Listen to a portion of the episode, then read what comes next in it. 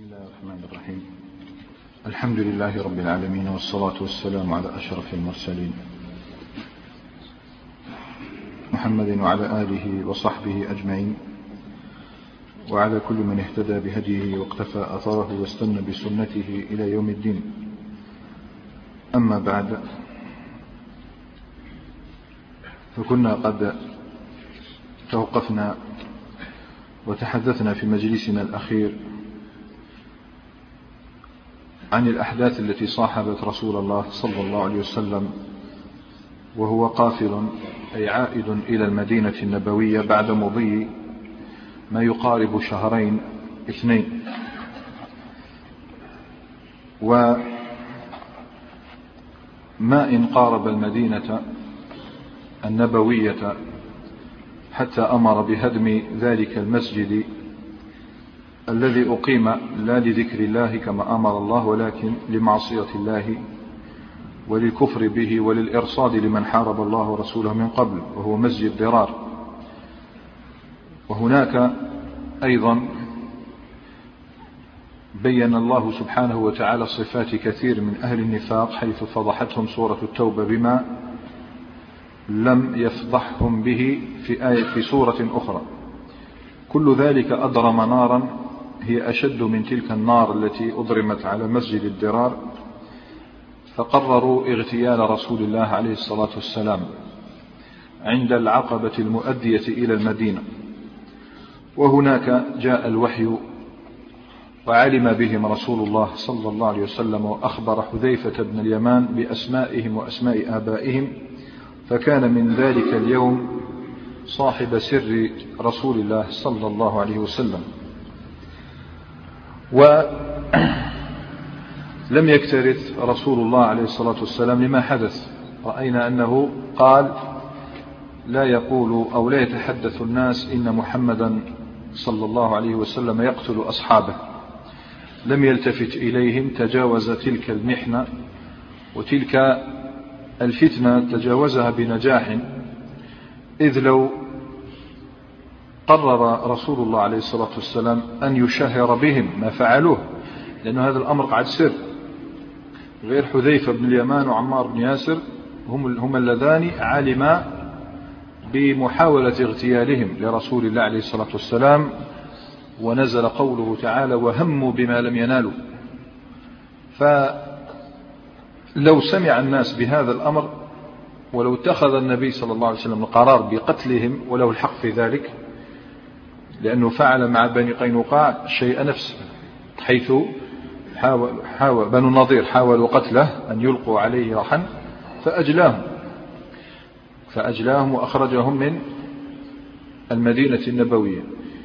فلو سمعوا بذلك لقامت فتنة عظيمة يقتل المنافقون وتنهض عشائرهم وقبائلهم وتهتز أركان الدولة الإسلامية وهي في عنفوان شبابها.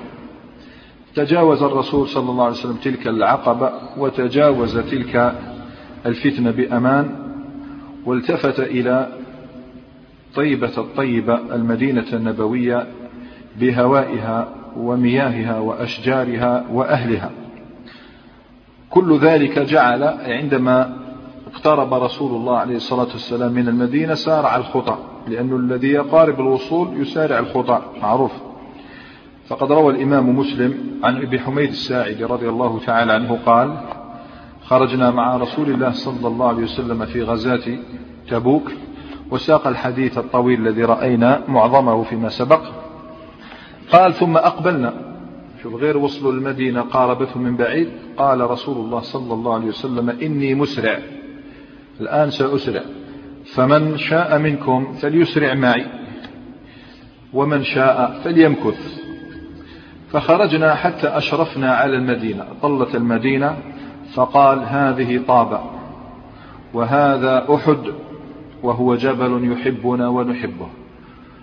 هذه طابة طابة هي المدينة وهذا أحد وهذا جبل يحبنا ونحبه. ثم قال عليه الصلاة والسلام وهو ماشي إن خير دور الأنصار دار بني النجار هذا أهله وأخواله. إن خير لأنه بني عبد المطلب جده أخذ من تزوج امرأة من بني النجار. إذا فهم أخواله. إن خير دور الأنصار دار بني النجار ثم دار بني عبد الأشهل ثم دار بني عبد الحارث بن الخزرج ثم دار بني ساعدة. وفي كل دور الأنصار خير. وفي كل دار الأنصار خير. يعني أخير هؤلاء أكثر خيرا ولكن في كل دور الأنصار خير.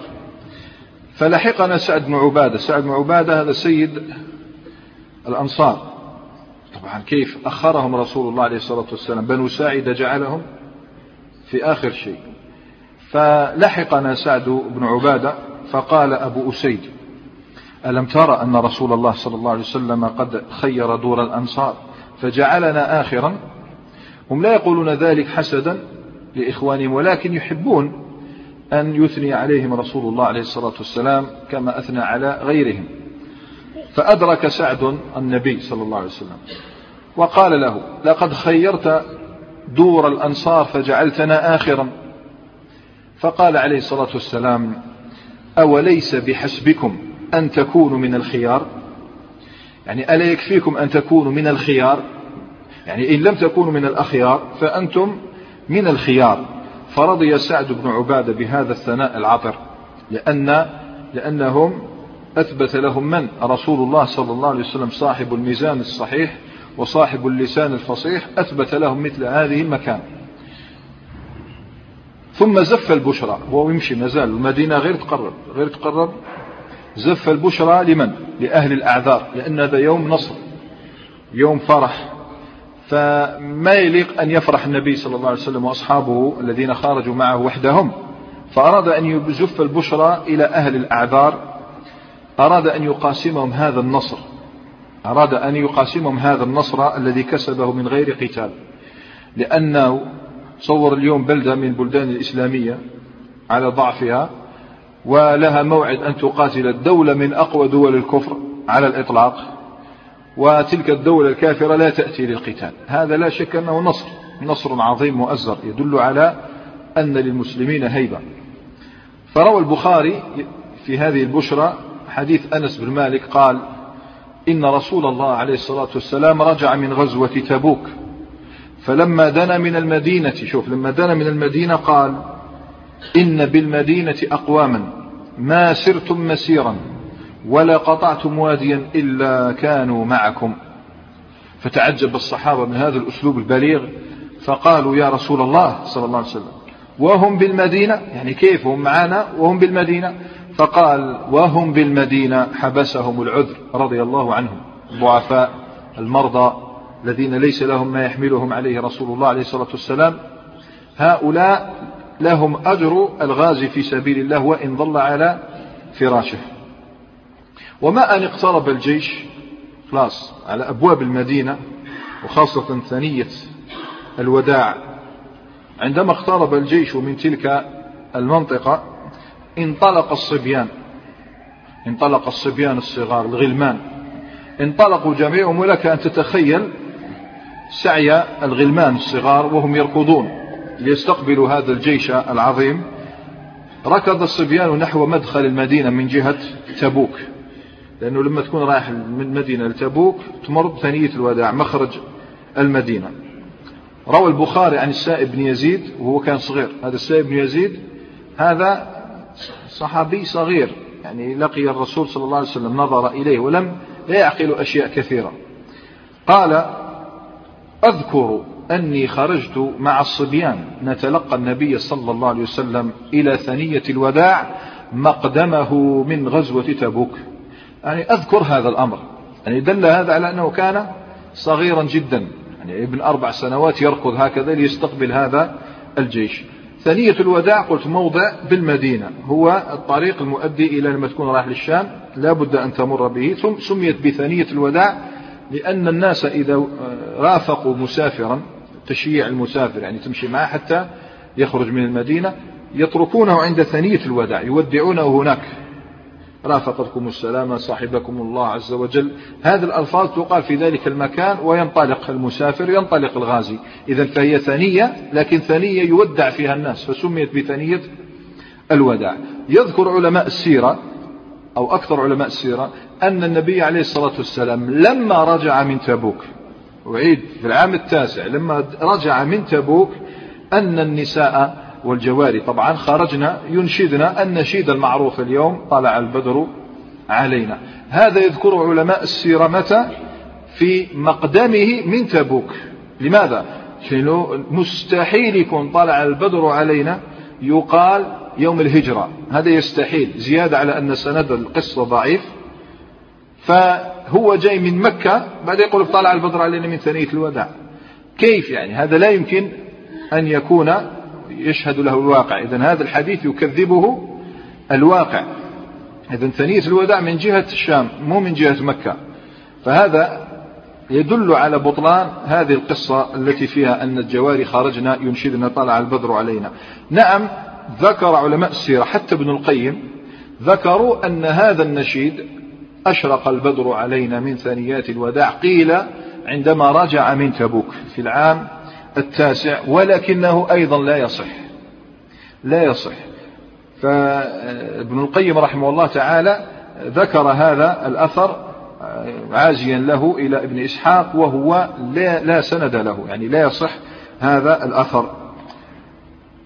نعم خرج الجواري ينشدنا يوم الهجرة لما جاء في النبي صلى الله عليه وسلم إلى المدينة في العام الأول. خرج الجواري ينشد ولكن ليس هذا النشيد المعروف. فقد روى آه، ابن ماجه والبيهقي بسند صحيح وهذا كنا قد رأيناه في أول يوم في المدينة. أول يوم في المدينة رأينا أن الجواري خرجنا ويضربن بالدف ويقولن نحن جواري بني النجار يا حبذا محمد من جاري صلى الله عليه وسلم. فقال لهن عليه الصلاة والسلام يشهد الله أني لأحبكن. يشهد الله أني لأحبكن. فهذا الذي صح. يوم الهجرة شوف ماذا قالوا يا آه، نحن بنات بني النجار يا حبذا محمد من جار. في العام التاسع خرجنا الجواري خرجنا خرج الصبيان آه، ينشدنا طلع البدر علينا قلنا هذا لا يصح سندا لا يصح سنده. طبعا هذا المنظر تاع الصبيان وهم خارجون إلى استقبال الرسول صلى الله عليه وسلم لا شك أنه منظر مهيب يعني في يشعل حماسا في القلوب والنفوس مما اضطر النساء إلى أن يخرجن أيضا. حتى النساء فقدن عقولهن وسلبت نفوسهن بهذا الجيش العظيم ثلاثين ألف. في مقدمتهم رسول الله عليه الصلاة والسلام هكذا تشوفوا جاي. فخرج النساء والصبيان لاستقبال هذا الجيش العظيم. فقد روى البخاري وابن حبان والطبراني عن السائب بن يزيد دائما هذا الصبي الصغير. قال لما قدم رسول الله صلى الله عليه وسلم من تبوك خرج الناس يتلقونه إلى ثنية الوداع. خرج الناس يتلقونه إلى ثنية الوداع وخرج النساء والصبيان. كلهم خرجوا. لماذا؟ لأن الجيش عاد سالما ولله الحمد. لم ينسى الأطفال هذا المشهد أبدا خاصة طفل هو ابن الشهيد الطيار جعفر بن أبي طالب ابنه عبد الله الذي تركه صغيرا. قال كما في صحيح مسلم عبد الله بن جعفر يقص علينا لأنه لا ينسى هذا اليوم لأن الرسول عليه الصلاة والسلام حمله معه. فقال كان رسول الله عليه الصلاة والسلام إذا قدم من سفر تلقي بصبيان أهل بيته. يعني الصبيان تاع البيت يقدمون له. يعني تصور أنت الناقة هنا والصبيان دايرين بها فيرفع إليه صبيان أهل بيته. وإنه قدم من غزاة تبوك كما في رواية ابن حبان. فسبق بي إليه بدأوا بي إليه. فحملني بين يديه عليه الصلاة والسلام. ثم جيء بأحد ابني فاطمة الحسن أو الحسين فأردفه خلفه. إذا هو وضع وضعه بين يديه لأنه أباه أحب الناس إليه عليه الصلاة والسلام. وأما الحسن أو الحسين وضعه خلفه. فأدخلنا المدينة ثلاثة على دابة. شو لك المنظر يعني؟ طبعا هنا هذا هذا الشرف تشرئب له الأعناق. أن تكون مع رسول الله عليه الصلاة والسلام قائد الجيش أحب الخلق إلى الله في مقدمة الجيش والجميع ينظر. لا شوف أنك تحب تظهر نفسك يعني. شوفوني راني فوق مع النبي صلى الله عليه وسلم. حي النبي صلى الله عليه وسلم النساء حي الأطفال حي الغلمان وتوجه إلى المسجد مباشرة عليه الصلاة والسلام. فتلك كانت عادة عليه الصلاة والسلام. كانت عادته التوجه إلى البيت بيت الله عز وجل. روى البخاري عن كعب بن مالك رضي الله تعالى عنه قال كان النبي صلى الله عليه وسلم إذا قدم من سفر ضحى دخل المسجد فصلى ركعتين قبل أن يجلس. فصلى ركعتين قبل أن يجلس. ثم تهادى إلى بيته. تهادى إلى بيته وبمجرد دخوله البيت إذا به يسمع ماذا؟ يسمع صوت إحنا عندنا جريمة. يسمع صوت الدف في بيته عليه الصلاة والسلام. تحت سمعه وبصره. دف. زد. يعني إحنا رانا الآن وين؟ هل هو يوم عيد؟ ليس هو اليوم يوم عيد. إحنا نزلنا وين؟ في رمضان. كنا دخل الرسول صلى الله عليه وسلم من تبوك إلى المدينة في رمضان. إذا فالعيد ليس هو هذا اليوم. فهذا الدف ما الذي حدث معه وما الذي صاحبه من أحداث. روى أبو داود بسند صحيح وابن حبان عن عبد الله بن عمرو بن العاص رضي الله تعالى عنهما أن امرأة جارية سوداء أن امرأة جارية أي طفلة صغيرة ها سوداء أتت النبي صلى الله عليه وسلم يوم رجوعه. فقالت يا رسول الله صلى الله عليه وسلم شو لك الحب؟ إني نذرت إن ردك الله سالما أن أضرب على رأسك بالدف في رواية بين يديك بالدف. لماذا؟ لأن ملاقاة الروم ليس بالأمر الهين فأمر صعب جدا. قالت والله لو ترجع سالم لأضربن بين يديك بالدف. فقال لها عليه الصلاة والسلام أوفي بنذرك. أوفي بنذرك سنحاول أن نسلط الضوء على هذا الأمر. نعرف أن الدف من الآلات آلات الطرب وآلات الطرب جميعها لا يستثنى منها شيء. حرام. إلا الدف متى؟ في يوم عيد أو عرس. فاليوم ليس هناك عيد ولا عرس. فقال لها أوفي بنذرك ماشي. طبعا طفلة هذه المرأة هذه تحمست. إني نذرت أن أذبح بمكان. كان يذبح فيه أهل الجاهلية. يجوز؟ تفصيل. فقال لها عليه الصلاة والسلام عند أفيه صنم؟ أفيه صنم؟ قالت لا. أفيه وثن يعبد؟ قالت لا. آه إذا فأوفي بنذرك. إذا مش نفهم؟ المكان الذي كان يذبح فيه الجاهلي مثلا كاين متزر مكان متزر يذبحون فيه عادي. ما دام ما كاش صنم يعبد العبرة ليست بالذابح. مش بالذابح ما يذبحش.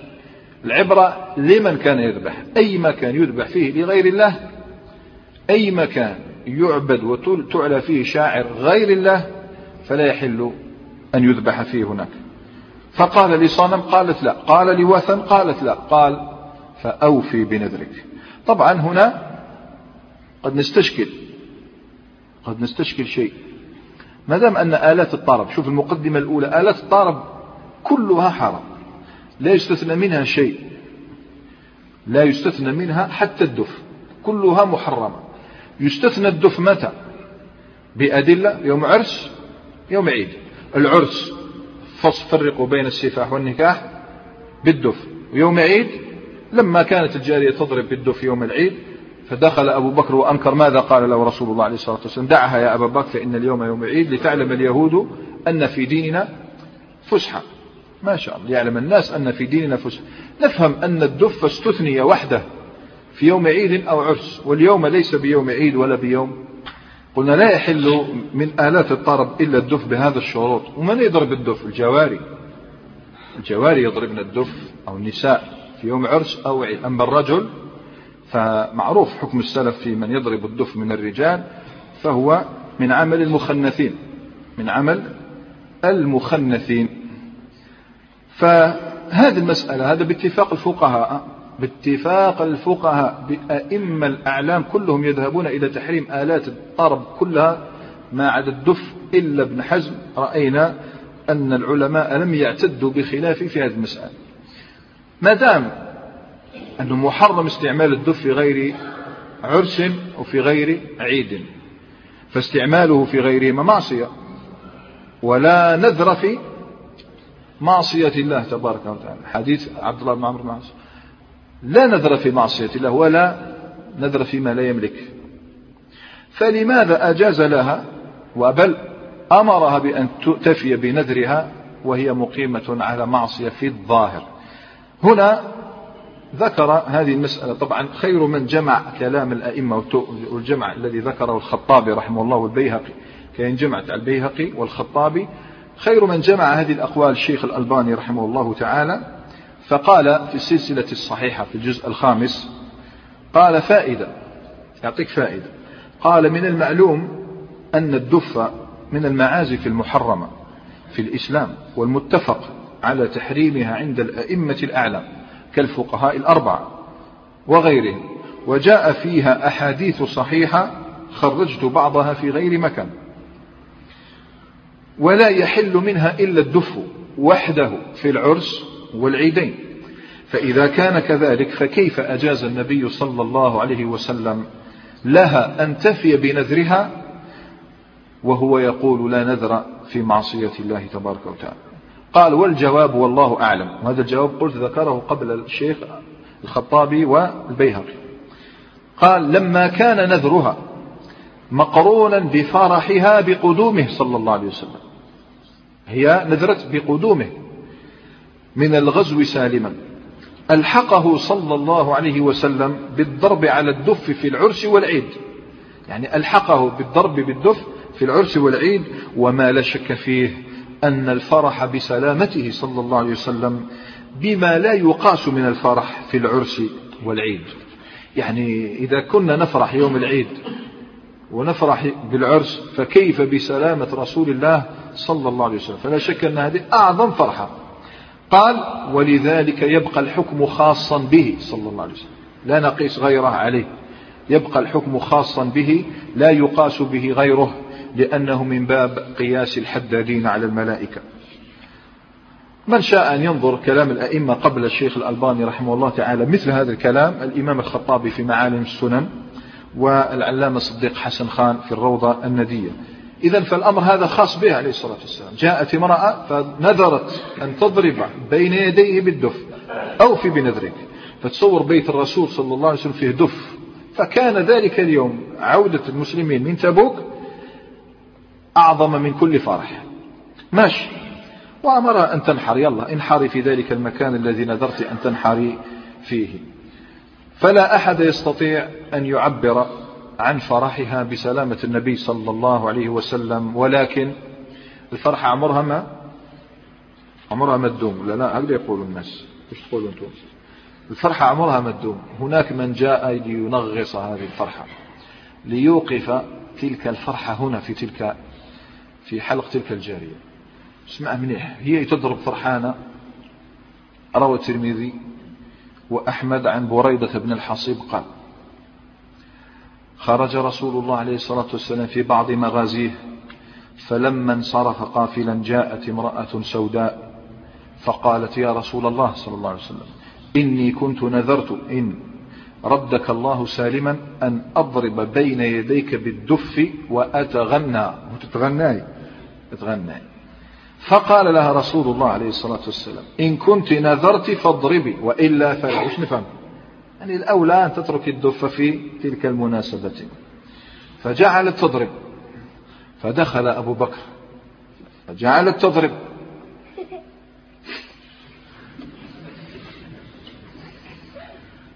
ثم دخل علي بن أبي طالب رضي الله تعالى عنه وهي تضرب.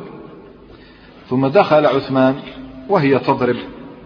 ثم دخل عمر رضي الله تعالى عنه. تحير عمر بن الخطاب. شوش دارت؟ فألقت الدف تحت استها يعني قعدت عليه. شو كلمة كمان فألقت الدف تحت استها ثم قعدت عليه. فقال رسول الله عليه الصلاة والسلام إن الشيطان ليخاف منك يا عمر. إني كنت جالسا وهي تضرب. فدخل أبو بكر وهي تضرب. ودخل علي وهي تضرب. ثم دخل عثمان وهي تضرب. فلما دخلت أنت يا عمر ألقت الدف. رماته تحتها وجلست. هذا هو حال المدينة. حبينا نصور هذا اليوم وهذه الساعات الأولى. صبيان يخرجون نساء يخرجون وامرأة تضرب بالدف. الرسول صلى الله عليه وسلم يحيي الجميع. الجميع يود الجميع دون استثناء يود أن يرى رسول الله عليه الصلاة والسلام وأن يعانقه وأن يلتزمه وأن يقبله عليه الصلاة والسلام فرحا بقدومه إلا الثلاثة الذين خلفوا عن رسول الله عليه الصلاة والسلام. إلا الثلاثة الذين خلفوا فقد حملوا جبالا منذ قرابة شهرين. جبال ثقيلة عليهم جدا. شفنا حال كعب بن مالك كيف كان يمشي حزينا. لكنهم شعروا بثقل هذا الندم هذا الجبال من الندم أنها تضاعفت في هذه الساعة التي دخل فيها رسول الله عليه الصلاة والسلام. لم يشعروا بندم كما شعروا به في هذه الساعة. اسودت الدنيا بوجوههم ولن تسمع أحدا مهما أوتي من فصاحة. مهما أوتي إنسان من بلاغة لن تسمع وصفا لحالهم مثل ما جاء به القرآن. دلني على واحد يصف حالهم مثل هذا الوصف. شوف ربي سبحانه وش يقول. وضاقت عليهم الأرض بما رحبت.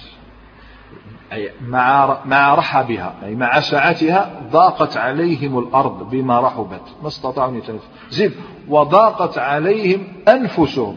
يعني نفوسهم ما إيش حملتهم فتصور هذا الوصف البليغ. ضاقت عليهم أنفسهم. هذا أحدهم الشاعر الذي نافح عن الإسلام بلسانه. كعب بن مالك الذي بايع بيعة العقبة الثانية التي من ورائها كانت الهجرة النبوية الذي رأينا جزءا من حديثه يصف لنا فيه انشغاله وتسويفه وقعوده وتخلفه. فاتته الغزوة. الرجل الذي افتقده النبي صلى الله عليه وسلم يوم وصل إلى تبوك قال ما فعل كعب؟ قال رجل من الأنصار شغله برداه ونظره في عفه الذي حماه معاذ. والله ما علمنا عنه إلا خيرا يا رسول الله صلى الله عليه وسلم. اليوم يتمنى أنه لم يسلم إلا اليوم. علم أنه لا مفر من الله إلا إلى الله. وينك رايح لأن بعض الناس إذا عصوا ماذا يتمادون؟ لا. هذا علم. أيقن أنه لن يجد ملجأ أفضل من اللجوء إلى الله. كما قال سبحانه وظنوا أيقنوا هنا ظنوا بمعنى أيقنوا مثل قوله سبحانه الذين يظنون أنهم ملاقوا ربهم. فهنا وظنوا أن لا ملجأ من الله إلا إليه. فتعال يا كعب وأكمل لنا قصتك واشر لك. هل فعل معك كما فعل مع المنافقين؟ أباك المنافقين جاءوا عادي يا رسول الله شغلتنا كذا. معليش روح. الحمد لله ما خرجتوش معنا يعني لكن شوف الرجال لما يأتيك خطأ منهم تستعظمه. لا يليق بك أن تنزل إلى هذا المستوى الذي نزل به هؤلاء. ففي الصحيحين يقول يكمل لنا فلما بلغني أنه توجه قافلا كي سمعت بلي راه بدا أو راجع حضرني همي. شوف كيف كأنه شخص. شوف أسلوب البلاغي. حضرني هم يعني هم جاء عبد هكذا أدنا لي. في رواية حضرني بثي والبث هو شدة الحزن. حضرني همي. وطفقت أتذكر الكذب. الكذب يخرج الناس من المخارج من المآزق. وأقول بماذا أخرج من سخطه غدا؟ فاستعنت على ذلك بكل ذي رأي من أهلي مش أي واحد بكل ذي رأي. يعني الناس العقلاء أهلي استعنت بهم. فلما قيل إن رسول الله عليه الصلاة والسلام قد أظل قادما أو قريب يوصل زاح عني الباطل. سبحان الله. ذهب عني ذلك الحديث عن الكذب راح. وعرفت أني لن أخرج منه أبدا بشيء فيه كذب. فيما بيعة أبي ذر وأن أقول الحق وأن أقول الحق ولو كان مرا. أن أقول الحق. أوصاني خالد بي سبع. السابعة أن أقول الحق ولو على نفسي وإن كان مرا. فأجمعت صدقه. أجمعت بمعنى عزمت على الصدق. لن يخرجكم إلا الصدق. فأصبح رسول الله عليه الصلاة والسلام قادما. شفنا كيف دخل المدينة وكيف. وكان إذا قدم من سفر بدأ بالمسجد فيركع فيه ركعتين ثم جلس للناس. فلما فعل ذلك شكون جاء؟ جاءه المخلفون الجماعة. أكثر من ثمانين شخصا من بينهم ابن سلول والجد بن قيس. ذلك الذي قال إذن لي ولا تفتني أنا أخشى الفتنة من بنات بني الأصفر. يعني ستفتنني بنساء الروم. شوف العذر. فجاء المخلفون فطفقوا يعتذرون إليه ويحلفون له. وكانوا بضعة وثمانين رجلا. شوف شحال بضعة وثمانين رجلا. فقبل منهم رسول الله عليه الصلاة والسلام عذرهم علانيتهم وبايعهم واستغفر لهم. شوف مشي روح برك. لماذا؟ لأن الناس صنفان. ناس صنفان. إما إنسان فيه سوء فيه شر فيه تثبيط. هذا الأفضل وتحمد الله أنه ليس بمعك في الصف. ريح. أما الذي إنسان يعني تعرف منه الصدق تعرف منه الإخلاص هذا الذي كيف كيف ترضى بنفسك؟ يعني أن تبقى آه، قاعدا. هذا الذي عمله أو قعوده عن العمل هو الذي يضر. أنت تلوم الناس مثلا لماذا لا تعمل؟ لماذا لا تعمل هذه الدعوة؟ لماذا تلومه؟ لأنك تعلم منه الصدق تعلم منه حب الله والرسول صلى الله عليه وسلم. تبقى دائما تلومه. لكن إنسان همه فقط الدرهم والدينار والقعود والنساء وغير ذلك. لماذا تتكلم معه؟ دعك منها يلا. الإنسان إذا لام الناس يلوم هؤلاء. وهذه خير دليل. النبي صلى الله عليه وسلم بايعهم واستغفر لهم. نعم روح. قال ووكل سرائرهم إلى الله فجئته. فلما سلمت عليه تبسم تبسما مغضب الإنسان اخترت يتبسم معك؟ ابتسام الواجب وإلا بان له أنه غاضب. ثم قال تعال. فجئت أمشي حتى جلست بين يديه فقال لي شوف السؤال ما خلفك؟ ألم تكن قد ابتعت ظهرك؟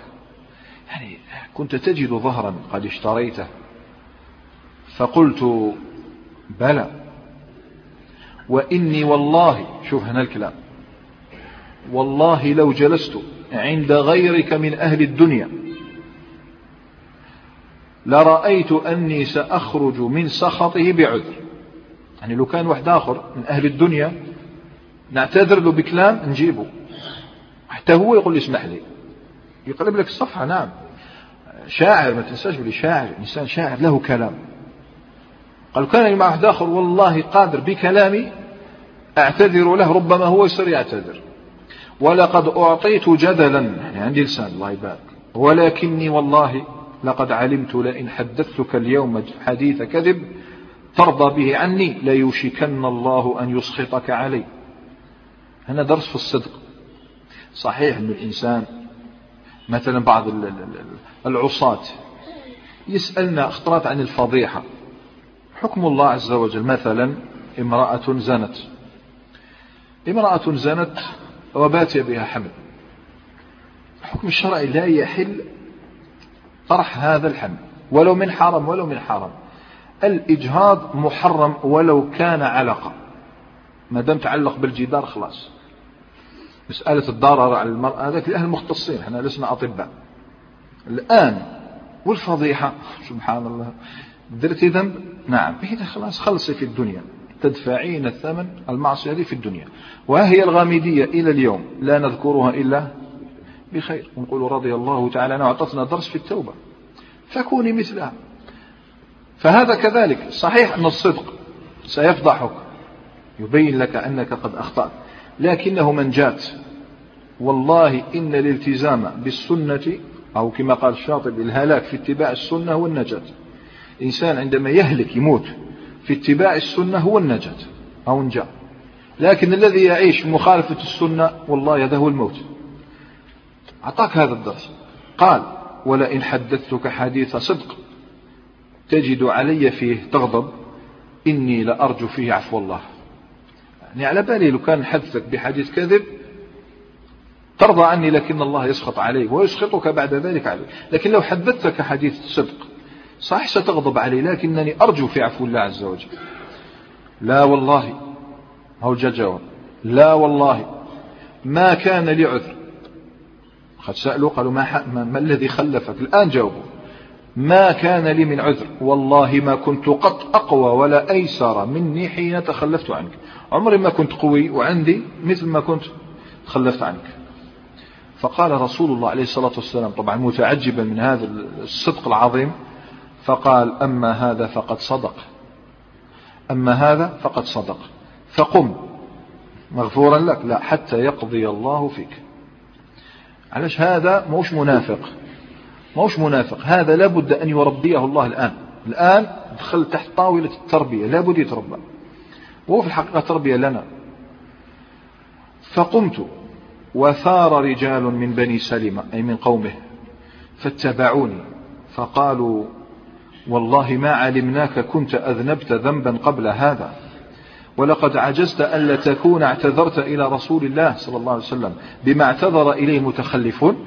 أي لماذا لم تعتذر إليه كما اعتذر المتخلفون. لقد كان كافيك ذنبك. قد كان كافيك ذنبك استغفار رسول الله صلى الله عليه وسلم. أنه كان استعرف كان يستغفر لك. ودعاء الرسول صلى الله عليه وسلم مستجاب. قال والله ما زالوا يؤنبوني. طاروا به. ما زالوا يؤنبوني حتى أردت أن أرجع فأكذب نفسي. نروح لهم نقول ما عندك ما كنتش قادر. ثم قلت لهم شو يشاور هل لقي هذا معي أحد؟ يعني غير أنا؟ شوف الغربة الغربة صعبة. 86 راجل كلهم اعتذروا. وقبل النبي صلى الله عليه وسلم عذرهم وكال سرائرهم إلى الله. ما كاش واحد اعترف كما اعترفت. عباك كان قالوا له ما كاش يولي ويكذب نفسه. فقالوا نعم رجلان. قال مثل ما قلت فقيل لهما مثل ما قيل لك. يعني اذهب فسيقضي الله فيك. فقلت من هما؟ قالوا مرارة بن الربيع العمري وهلال بن أمية الواقفي رجلان. والمصيبة إذا عمت خفت. فوق تصيب زوج معاك لا باس يونسوك. وهذا أمر معروف. استقيناه من قوله سبحانه وتعالى ولن ينفعكم اليوم إذ ظلمتم أنكم في العذاب مشتركون. يعني أمر مقرر أن المصيبة إذا عمت خفت لكن في النار لا. لن ينفعكم اليوم اشتراككم في العذاب. لن ينفعكم. يعني ما يخفش عنكم الأمر. فقال فذكروا لي رجلين صالحين. يعني ناس ما شاء الله قد شهد بدرا فيهما أسوة. يعني ناس من أهل الخير وأهل الصلاح فعلوا مثل ما فعلت.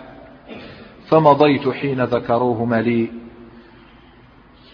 ونهى رسول الله صلى الله عليه وسلم المسلمين جميعا عن كلامنا أيها الثلاثة أي معشر الثلاثة. شوف إعلان مشي في البيت مشي في الحي المدينة كلها. ممنوعة من أن تحدث هؤلاء الثلاثة صور الحومة تاعك فقط لا تكلمك حيك فقط. نقولوش البلاد كلها. فذلك الثقل بدأ ينزل عليهم بشدة. قال فاجتنبنا الناس وتغيروا لنا حتى تنكرت في نفس الأرض. الأرض ما وليتش نعرفها. فما هي التي عدت أعرف؟ المدينة مش اللي نعرفها. حتى الجدران تاعها تغيرت النخيل تاعها تغيرت الهوان تاعها تغير. تنكرت الأرض كلها. فلبثنا على ذلك خمسين ليلة. خمسون ليلة وهم تحت وطأة الهجر.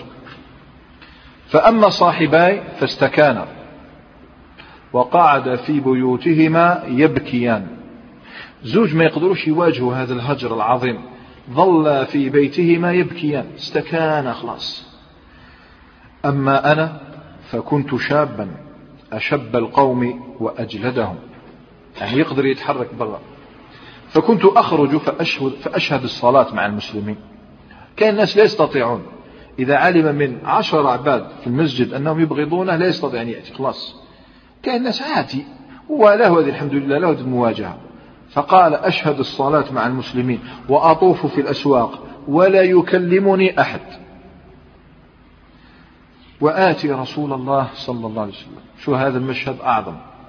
وآتي رسول الله صلى الله عليه وسلم فأسلم عليه وهو في مجلسه بعد الصلاة فأقول في نفسي هل حرك شفتيه برد السلام أم لا؟ معنى هذا؟ رد لي ولا ما رد ليش؟ هكذا حرك. هل حرك ولا ما حركش؟ فضلا عن السماع. يعني كأنه يقول لك ما كانش يرد. ثم أصلي قريبا منه. شوف لك الحب. أصلي قريبا منه. فأسارقه النظر. نحب نشوف لو يشوف فيها ولا لا. فإذا أقبلت على صلاتي أقبل إلي. قال غير بدأ أصلي يشوف فيه عليه الصلاة والسلام. وإذا التفت نحوه أعرض عني. حتى إذا طال علي ذلك. طال طال. من جفوة الناس. مشيت حتى تصورت جدار حائط أبي قتادة. أبو قتادة هذا من أهله من أقاربه. ابن عمه وأحب الناس إليه. هكذا يقول في الرواية. هو ابن عمي وأحب الناس إلي لا شك أن أبو قتادة زيد في بستان. واحد ما يطالع عليه لا لا؟ لا. واحد ما يقول علاش هدرت معه لكن هان الرسول صلى الله عليه وسلم في بستانه الخاص.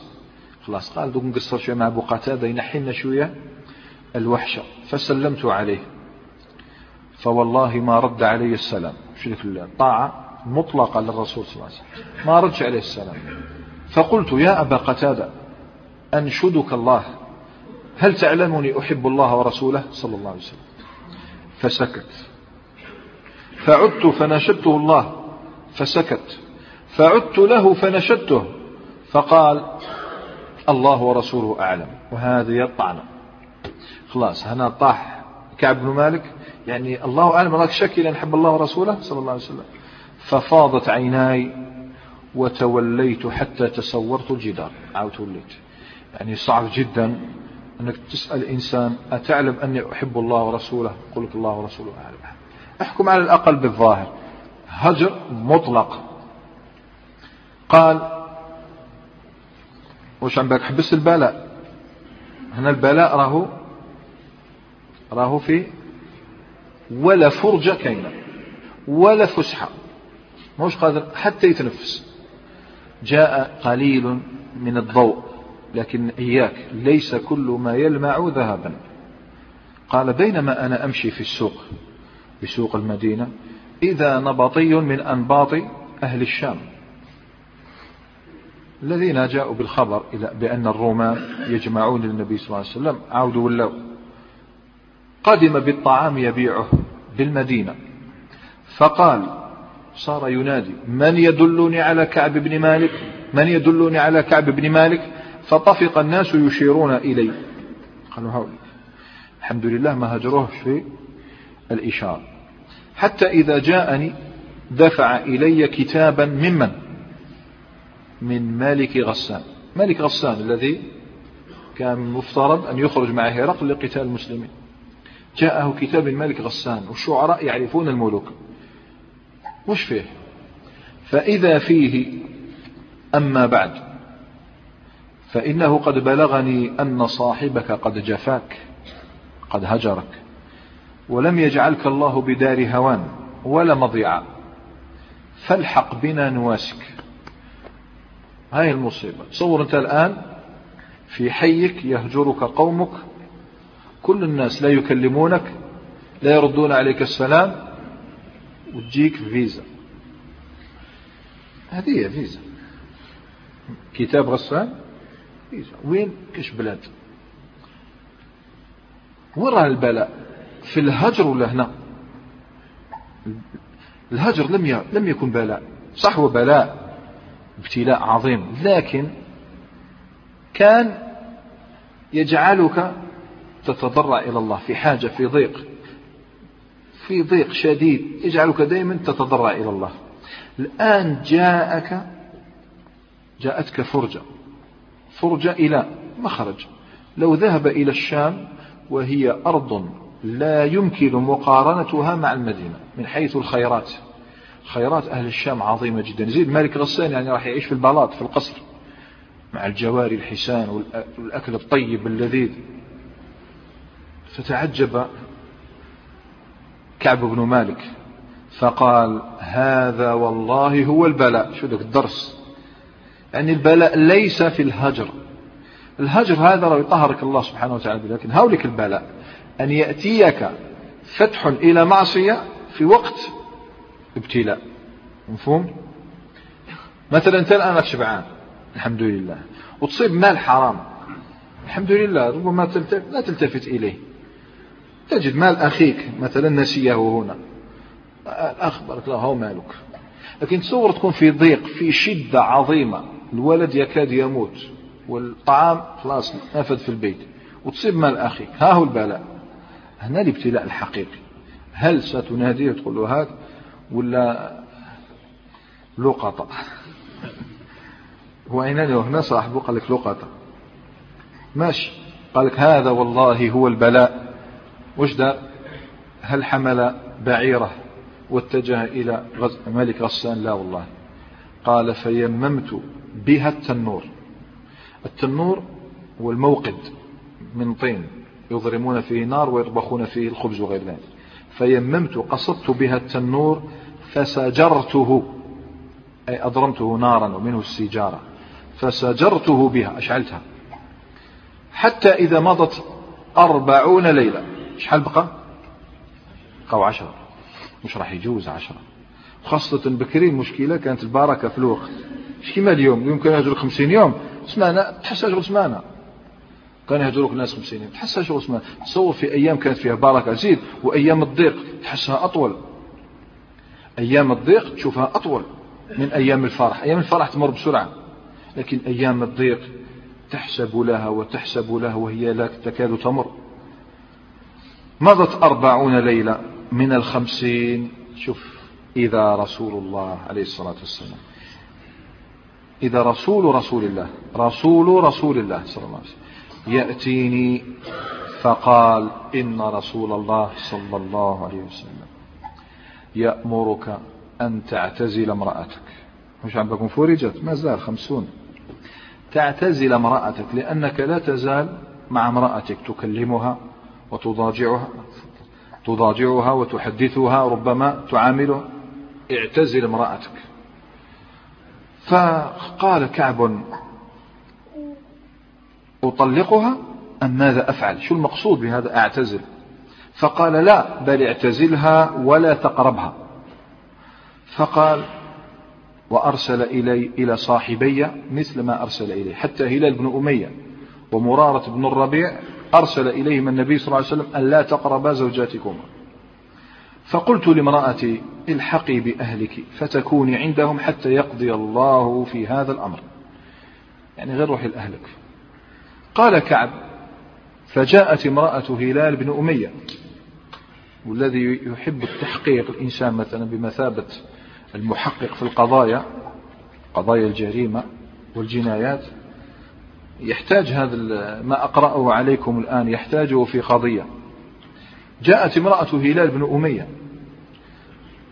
إلى رسول الله صلى الله عليه وسلم فقالت يا رسول الله صلى الله عليه وسلم إن هلال بن أمية شيخ ضائع. شيخ ضائع يعني لا هم له في شيء ليس له خادم فهل تكره أن أخدمه؟ نبقى نخدمه نطيب له نغسل له. فقال لا لا أكره ذلك ولكن لا يقربك لا يلمسك. فقالت إنه والله ما به حركة إلى شيء؟ كناية على أنه كناية على أنه لا لا يمسه ليس له حاجة في النساء. وهنا تسطر. ستحدث قضية بعد أيام. قضية أن هذه المرأة ستقذف ستتهم بالزنا وتقذف بشريك بن سمحاء. مفهوم؟ فهل يمكن أن تكون فعلا اقترفت الفاحشة مع هذا ولا لا؟ يمكن يكون من بين الأسباب هذا من بين الأسباب لأنه ثبتت عليها الفاحشة. قال رسول الله عليه الصلاة والسلام عندما حملت إن جاءت به يشبه شريكا فقد فعلته وجاءت به يشبه شريكا. والسبب هذا أن الرجل تراه يعرض عن امرأته مثلا ينسى حقها فإياك فإن هذا مدخل شر. لاحظ في بيئة طاهرة ناس طاهرين يحدث مثل هذا. ماشي. ليس له ليس به حركة في شيء. والله ما زال يبكي منذ كان من أمره ما كان إلى يومي هذا. فقال لي بعض أهلي كعب بن مالك جوليه أهله. كما خلى مرت هلال بن أمية تخدمه فليترك زوجتك أنت أيضا تخدمك. فقالوا لو استأذنت رسول الله عليه الصلاة والسلام في امرأتك كما أذن لامرأة هلال بن أمية أن تخدمه. فقلت لا والله لا أستأذن فيها رسول الله صلى الله عليه وسلم. ما يدريني ما يقول رسول الله عليه الصلاة والسلام إذا استأذنته وأنا رجل شاب؟ ما الذي سيقوله؟ هو عنده عذر شيخ ضائع. أنا شاب ما الذي سيقوله الرسول صلى الله عليه وسلم؟ فلبثت بعد ذلك عشر ليال عشر ليال في جحيم حتى كملت لنا خمسون ليلة من حين نهى رسول الله صلى الله عليه وسلم عن كلامنا. فلما صليت صلاة الفجر صبح خمسين ليلة اليوم الأخير وأنا على ظهر بيت من بيوتنا. فبينما أنا جالس على الحالة التي ذكر الله عز وجل قد ضاقت علي نفسي وضاقت علي الأرض بما رحبت خلاص سمعت صوت صارخ إنسان يصرخ. أوفى على جبل جبل سلع المعروف بأعلى صوته. طلع فوق جبل باش الناس قاعد تسمع. ونادى يا كعب بن مالك. أبشر. ما حدش قاعد يفهم. كعب بن مالك ما حدش قاعد يفهم. غير اسمع يا كعب بن مالك أبشر ساجد. قال فخررت لله ساجدا. وعرفت أنه قد جاء الفرج. شو اليقين في الله عز وجل؟ ظنوا أن لا ملجأ من الله إلا إليه. عرفت أنه قد جاء الفرج. وآذن رسول الله عليه الصلاة والسلام بتوبة الله علينا حين صلى الفجر. يعني عندما انقضت صلاة الفجر ناض فيهم الرسول صلى الله عليه وسلم اسمعوا ما الذي نزل وعلى الثلاثة الذين خلفوا الآيات فجاء ذا الرجل وصرخ يا كعب بن مالك أبشر فخررت ساجدا. قال فذهب الناس يبشروننا وذهب قبل, قبل, قبل صاحبي مبشرون. خلاص مدينة صباح ربي مع الفجر ناس تركض يبشرون وهذا فيه دليل على أنهم فعلوا الهجر رحمة لم يفعلوه نقمة وحسدا وبغضا فعلوه رحمة بهم لكي يتأدبوا بما أراد الله عز وجل أن مو يهجر إنسان وهو يتمنى أن لا يتوب. معهم مصيبة. هؤلاء كانوا يتمنون أن ينزل الفرج من الله سبحانه وتعالى. فانظروا المدينة كلها تجري وتركض مبشرون. وركض إلي رجل وسعى ساع من أسلم. فأوفى على الجبل وكان الصوت أسرع من الفرس. واحد جاب فرس لكن الصوت كان أسرع من الفرس. فلما جاءني الذي سمعت صوته يبشرني نزعت له ثوبي. وتستنى دقيقة. دخل الدار راح سلف من عند واحد صحابي لباس لبسوه عطاله الثوبين تاعو. يعني ولا لابس شيء مشي تاعو. بصح حتى حاجة تاعو عطاها لهذاك الصحابي.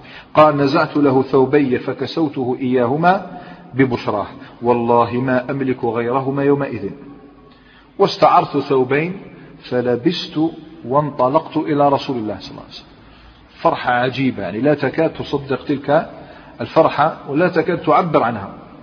فتلقاني الناس فوجا فوجا يهنوني بالتوبة. يقولون لتهنك توبة الله عليك. أي هنيئا لك بتوبة الله سبحانه عليك. قال كعب حتى دخلت المسجد ويستنى غير في وجه الرسول صلى الله عليه وسلم. كالقمر دخلت المسجد فإذا رسول الله عليه الصلاة والسلام جالس حوله الناس فقام إلي طلحة. طلحة بن عبيد الله قام إلي طلحة يهرول حتى صافحني وهناني. يعني هنأني. والله ما قام إلي رجل من المهاجرين غيره ولا أنساها لطلحة. قرأ كلام ابن القيم في البشرى عندما يتحدث باستحباب تبشير المسلم. باستحباب تبشير المسلم. هذا أمر عظيم يحفظه لك الناس.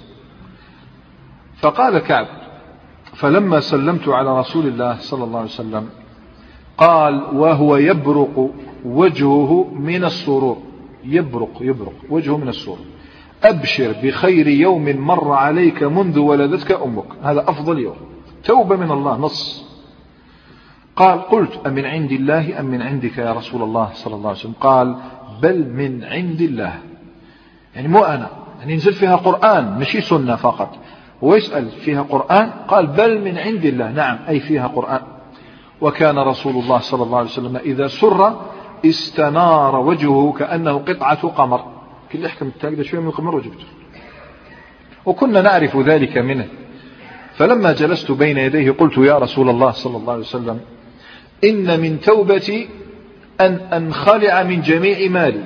مالي صدقة لله ورسوله صلى الله عليه وسلم. من توبتي يعني. فقال أمسك عليك بعض مالك فهو خير لك. فقال فإني أمسك بسهمي الذي بخيبر. سهمي الذي بخيبر أمسك أما الباقي فأتصدق به صدق لله ولرسوله صلى الله عليه وسلم. فقلت يا رسول الله صلى الله عليه وسلم إن الله إنما نجاني اكتب هذه بالصدق. إنما نجاني بالصدق وإن من توبتي ألا أحدث إلا صدقا ما بقيت. خلاص. ده درس بالصدق منجات الصدق نجاة من اليوم لن أكذب كذبا. فوالله ما أعلم أحدا من المسلمين. أبلاه الله في صدق الحديث منذ ذكرت ذلك لرسول الله أحسن مما أبلاني. ما نعرف حتى واحد ربي فتح عليه بالصدق مثل ما فتح عليه صادق في كل شيء. ما تعمدت منذ ذكرت ذلك لرسول الله عليه الصلاة والسلام كذبا إلى يوم هذا. حتى مات. رضي الله تعالى وإني لأرجو أن يحفظني الله فيما بقيت. شوف لا يغتر. يعني حتى الآن ما كذبت. أرجو من الله أن يحفظني فيما بقيت وأنزل الله تعالى قوله لقد تاب الله على النبي والمهاجرين والأنصار الذين اتبعوه في ساعة العسرة. من بعد ما كاد يزيغ قلوب فريق منهم. ثم تاب عليهم إنه بهم رؤوف رحيم. وعلى الثلاثة الذين خلفوا. ماذا؟ خلفوا الحكم. خلفوا الحكم مو خلفوا يعني إحنا لسنا جبرية خلفوا يعني الله خلفهم. لا خلفوا حكم الله خمسين ليلة خلف عنهم الحكم. وعلى الثلاثة الذين خلفوا حتى إذا ضاقت عليهم الأرض بما رحبت وضاقت عليهم أنفسهم وظنوا أن لا ملجأ من الله إلا إليه ثم تاب عليهم ليتوبوا إن الله هو التواب الرحيم. يا أيها الذين آمنوا اتقوا الله وكونوا مع الصادقين. تصور هذه الآيات تنزل هكذا في من فيك. فما أروع ما رجع به كعب بن مالك قال فوالله ما أنعم الله علي من نعمة قط بعد أن هداني إلى الإسلام أعظم في نفسي من صدقي لرسول الله صلى الله عليه وسلم.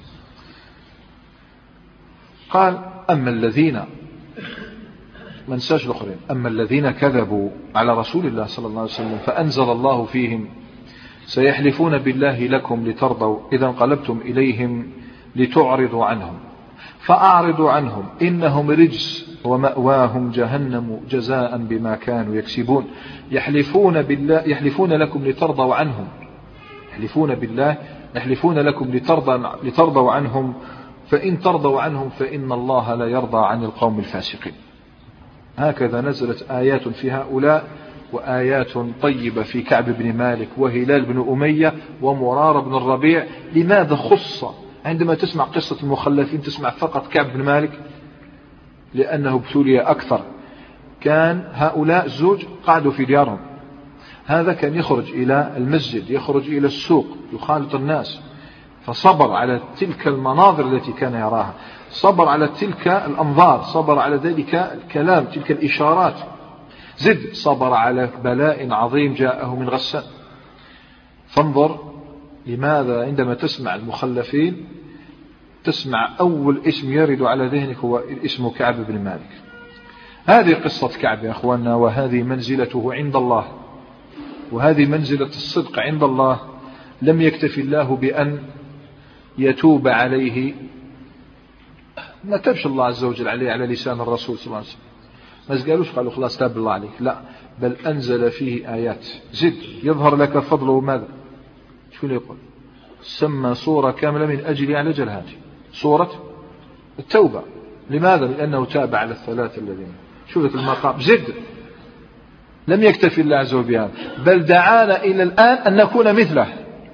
يا أيها الذين آمنوا اتقوا الله وكونوا مع الصادقين. كونوا مثل كعب بن مالك وهلال بن أمية. ومرارة بن الربيع رضي الله تعالى عنهم جميعا معاناة لا أشد منها مقاساة لا أعظم منها لكنها تربية الله تربية الله عز وجل للمؤمنين وتمحيصه لعباده الصالحين.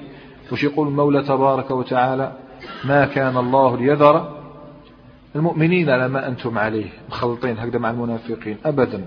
حتى يميز الخبيث من الطيب فميز الله عز وجل بهذه الحادثة بين الخبيث والطيب.